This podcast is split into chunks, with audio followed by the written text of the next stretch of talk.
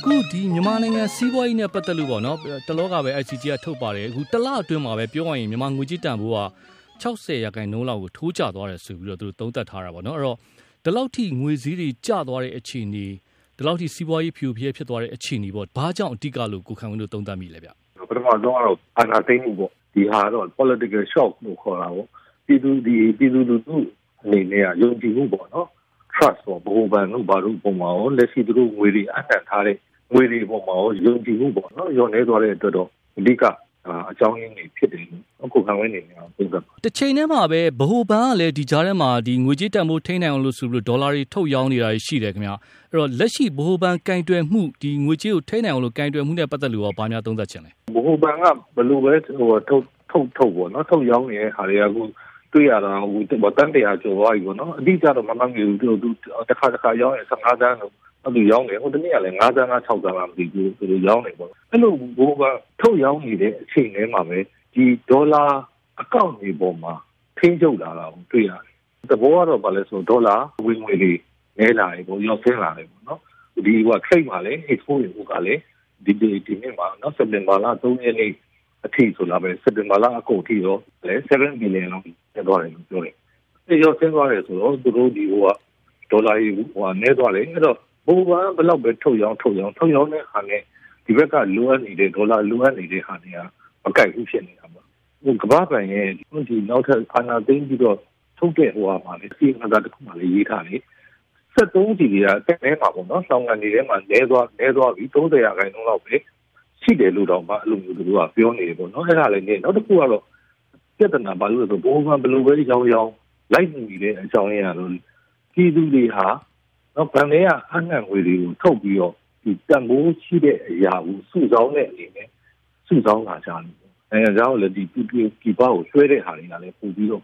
ရလာတယ်ဆိုတော့မလိုက်နိုင်ဘူးဖြစ်နေမလိုက်နိုင်ဘူးဖြစ်နေတခြားနိုင်ငံတွေမှာလည်းလုံနမူနာအဆိုးမှာတူတူရကီပေါ့နော်တူရကီမှာကာတာနိုင်ငံကနေပြီးတော့15ဘီလီယံပေးမယ်ပေါ့အဲ့လိုပေးတာတော့မှနော်သူတို့ရဲ့လက်ဟောပေါ့နော်တူရကီငွေကြတာကိုလည်းမထိနိုင်ဘူး အဲ့တော့တစ်ချိန်တည်းမှာပဲသွင်းကုန်အနေနဲ့ပတ်သက်လို့တော်လေးအခက်ခဲရှိလာပြီဆိုပြီးတော့ကုန်သည်တွေညီးတာလည်းကျွန်တော်ကြားလာပါတယ်ခင်ဗျာအဲ့တော့တစ်ဖက်မှာထုတ်ကုန်များများထုတ်ပေးရမယ်ဆိုတဲ့ပုံစံမျိုးပြောလာကြတော့အခုမြန်မာနိုင်ငံမှာတကယ်ရှိထားတဲ့ဓာတ်ငွေတွေတင်းထွက်တွေတေယန်ဇာတာတွေဒါတွေပေါ်မှာပို့ပြီးတော့မိခိုလာရနိုင်ချေရှိပါလားဒါတွေကထုတ်ရောင်းရင်အဆင်ပြေပါမလားထုတ်ရောင်းဖို့တော့အဲ့ဘက်ကိုပေါ့နော် resource ကိုပို့ပြီးတော့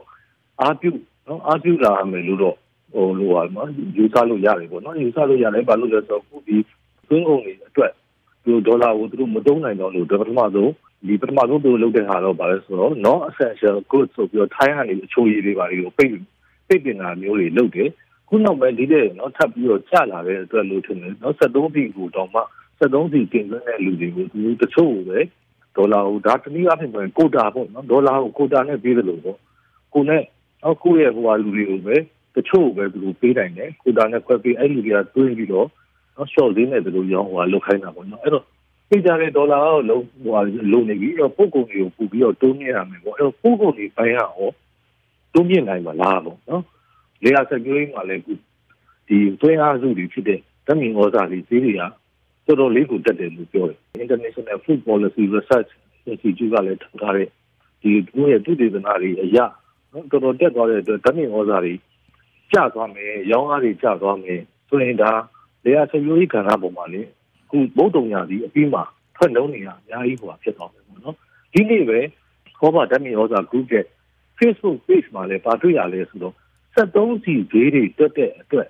လေရင်သိန်းကတွေဒီအရင်အားနဲ့မတူတော့ဘူးဆိုပြီးတော့သူတို့ page မှာရေးထားတာတွေ့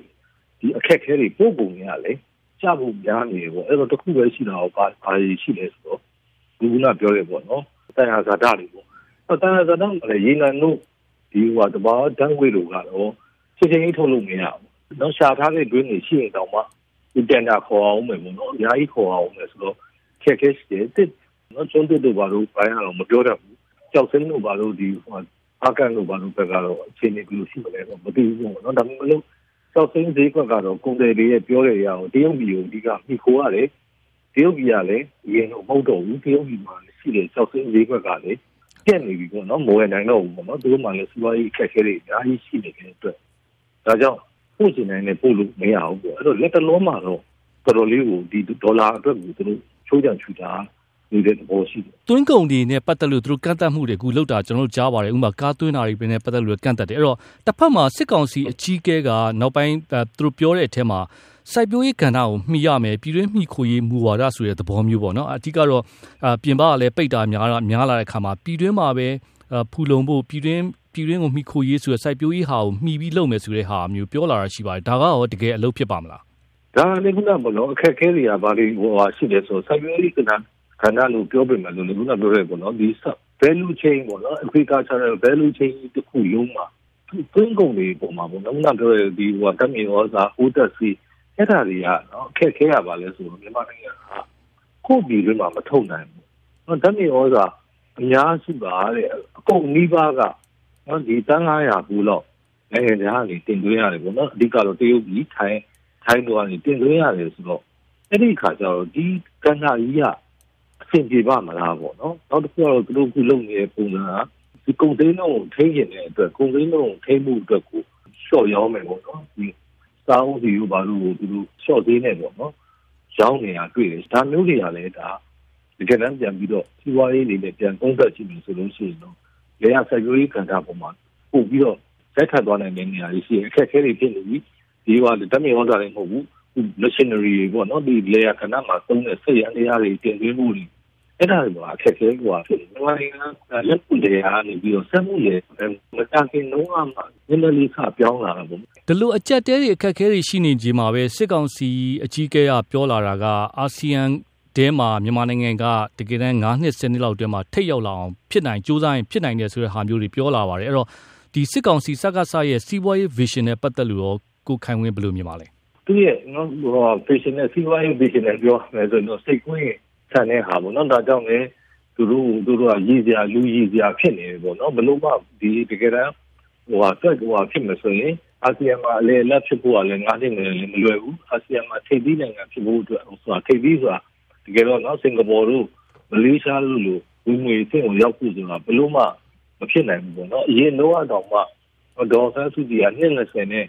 စင်ကာပူကိုပြောင်းလုပ်မယ်ဆိုလို့လူတွေကနော်တခါလဲဟိုဟာလုပ်လိုက် ဒီဒီဝေဖန်တာတွေရှိခဲ့တယ်ပေါ့နော်ကိုက9နှစ်10နှစ်နဲ့သွားမယ်ဆိုတော့ဒီတနည်းအားဖြင့်ပြောရင် false hopes ပေါ့နော်မဖြစ်နိုင်တဲ့ညှော်လင့်ချက်တွေကိုဒီလူလူတို့ပေးတဲ့သဘောမျိုးဖြစ်နေတာပေါ့နော်ကျွန်တော်နောက်ဆုံးတစ်ခုမေးချင်ပါတယ်မြန်မာနိုင်ငံကပြောရမယ်ဆိုလို့ရှိရင်တစ်ချိန်လုံးကစီးပွားရေးပိတ်ဆို့တာကိုခံခဲ့ရတဲ့နိုင်ငံလည်းဖြစ်ပါတယ်စစ်အစိုးရလက်ထက်ဒီမှာပေါ့နော်အဲ့တော့အဲ့ချိန်ကာလတုန်းကသူတို့ကစီးပွားရေးပိတ်ဆို့မှုခံခဲ့ရပြီးမြဲအိန္ဒိယနိုင်ငံတချို့နဲ့တချို့အာဆီယံနိုင်ငံတချို့ အာရှနိုင်ငံတွေနဲ့စီးပွားရေးတွဲလုပ်ပြီးတော့ပြန်ထိန်းထားနိုင်ခဲ့တာတွေရှိပါတယ်ခင်ဗျာအဲ့တော့အခုစစ်ကောင်စီလက်ထက်မှာကောဒီလိုမျိုးအလားအလာစီးပွားရေးကိုတိုးတက်အောင်မဟုတ်တော့မှထိန်းထားနိုင်မဲ့အလားအလာရှိမှာရောရှိနိုင်မှာလားခေတ်ကာလနှစ်ခုကတော့မတူတော့ဘူးပေါ့နော်ဒီချိန်တော့တော့ဟုတ်တယ်နော်ဒီချိန်တော့ဒါစီးပွားရေးပြည့်စုံတာဒုံမမှုပါဆိုတော့ဆောင်ပုံနဲ့ဒီပေါ့နော်သူတို့ဘယ်လိုပဲဖြစ်ဖြစ်ပေါ့နော်ဟိုဟာလုတ်နိုင်ခဲ့တယ်အာနာကိုလည်းသူတို့တည်မြဲအောင်ထိန်းထားနိုင်ခဲ့တယ်ဒါပေမဲ့လို့ နော်ဒီ21ရာစု2021အခြေအနေဟာ1988အခြေအနေနဲ့တော်တော်ကွာသွားပြီပေါ့နော်ဆိုတော့ပထမတစ်ခုတော့ဗာလဲဆိုတော့1988တုန်းကဘလို့ပဲပြောပြောတက်လာတဲ့နော်ဒီဟိုစစ်ဆိုးရဟာပိတ်ထားတဲ့စီးပွားရေးကိုသူကဖွင့်တာ market economy ဆိုတော့ဈေးကွက်စီးပွားရေးစနစ်ကိုမှလုပ်ခဲ့တော့အတိုင်းအတာတစ်ခုဒီနော်ဒီအဆင်ပြေတဲ့လူတွေလည်းအများကြီးရှိတယ်ဒါစမဆုံးဆက်ဆက်ဖွင့်တဲ့အချိန်မှာနောက်နိုင်ငံတွေရဲ့ရင်းနှီးမြှုပ်နှံမှုတွေအများကြီး ဝင်လာတယ်ပေါ့နော်တိုတယ်လို့မဟုတ်သူတို့ပဲစတာပဲတရုတ်ဆိုတာကဒါနောက်မှဝင်လာတဲ့ရင်းနှီးမြှုပ်နှံမှုဖြစ်တယ်2000ကျော်တော့မှသာဝင်လာကြတာအရင်ဆုံးဝင်လာတာကဂျပန်တို့ကိုရီးယားတို့နော်နဲ့နောက်နိုင်ငံအမေရိကန်တို့ဒီဥရောပတိုတယ်လို့ပေါ့နော်တိုတယ်လို့သူစပြီးတော့ဝင်လာကြတာပဲဆိုတော့ပိတ်ထားအနေဖွင့်နေဘာမှမရှိတဲ့နော်ဒီ GDP ကိုအင်မတန်နည်းတဲ့ GDP မဆလာလက်ထက်မှာအင်မတန်ဆင်းရဲနေတဲ့နိုင်ငံကနေစဖွင့်တဲ့အတွက် အတိုင်းအတာတစ်ခုထိသူတို့ကဒါအောင်မြင်ခဲ့တယ်နော်အမှုဝဲနဲ့နောက်ပိုင်းမှာလည်းချမှတ်တဲ့ဒီစီးပွားရေးပိတ်ဆို့မှုကိုဒီမဆက်နေနဲ့အိန္ဒိယနိုင်ငံတွေနဲ့ကုန်သွယ်ပြီးတော့နေလို့ရတယ်ခုဟာကြတော့သူကပြောင်းပြန်ဖြစ်သွားပြီတိစောက်ထားတဲ့အရာတွေပြန်ပြီးတော့ဖြိုချတယ်လို့ဖြစ်သွားတာပေါ့နော်ခုကိုလောလောဆယ်ကိုကမ္ဘာ့ဘဏ်နေပြီးတော့၁၈ရာခိုင်နှုန်းနော်စီးပွားရေးကျသွားမယ်လို့ပြောတယ်အဲ့တော့တိစောက်ထားတဲ့ဟာတွေပြိုဆင်းတာထိမ့်မှုပူပြီးတော့အရန်ကိုခက်ခဲနေ ပြည်သူလူထုအနေနဲ့ကလည်းအရင်ခက်ကလို့မနေကြတော့ဘူးပေါ့ဒီပါလဲပြောလက်စင်ကြီးတို့ဘာလို့ပါလဲမြို့တွေတော်တော်များများမှာရလာတယ်လမ်းတွေကောင်းလာတယ်ဆက်သွယ်ရေးတွေတယ်လီဖုန်းတွေကောင်းလာတယ်ဒီဆက်သွယ်ရေးတယ်လီနောတို့ဘာလို့ဒီလိုရင်းနှီးမြှုပ်နှံမှုတွေဝင်လာတဲ့အတွက်အဲ့လိုအခြေအနေကနေပြီးတော့ပြန်ပြီးတော့ပြိုလဲသွားမယ်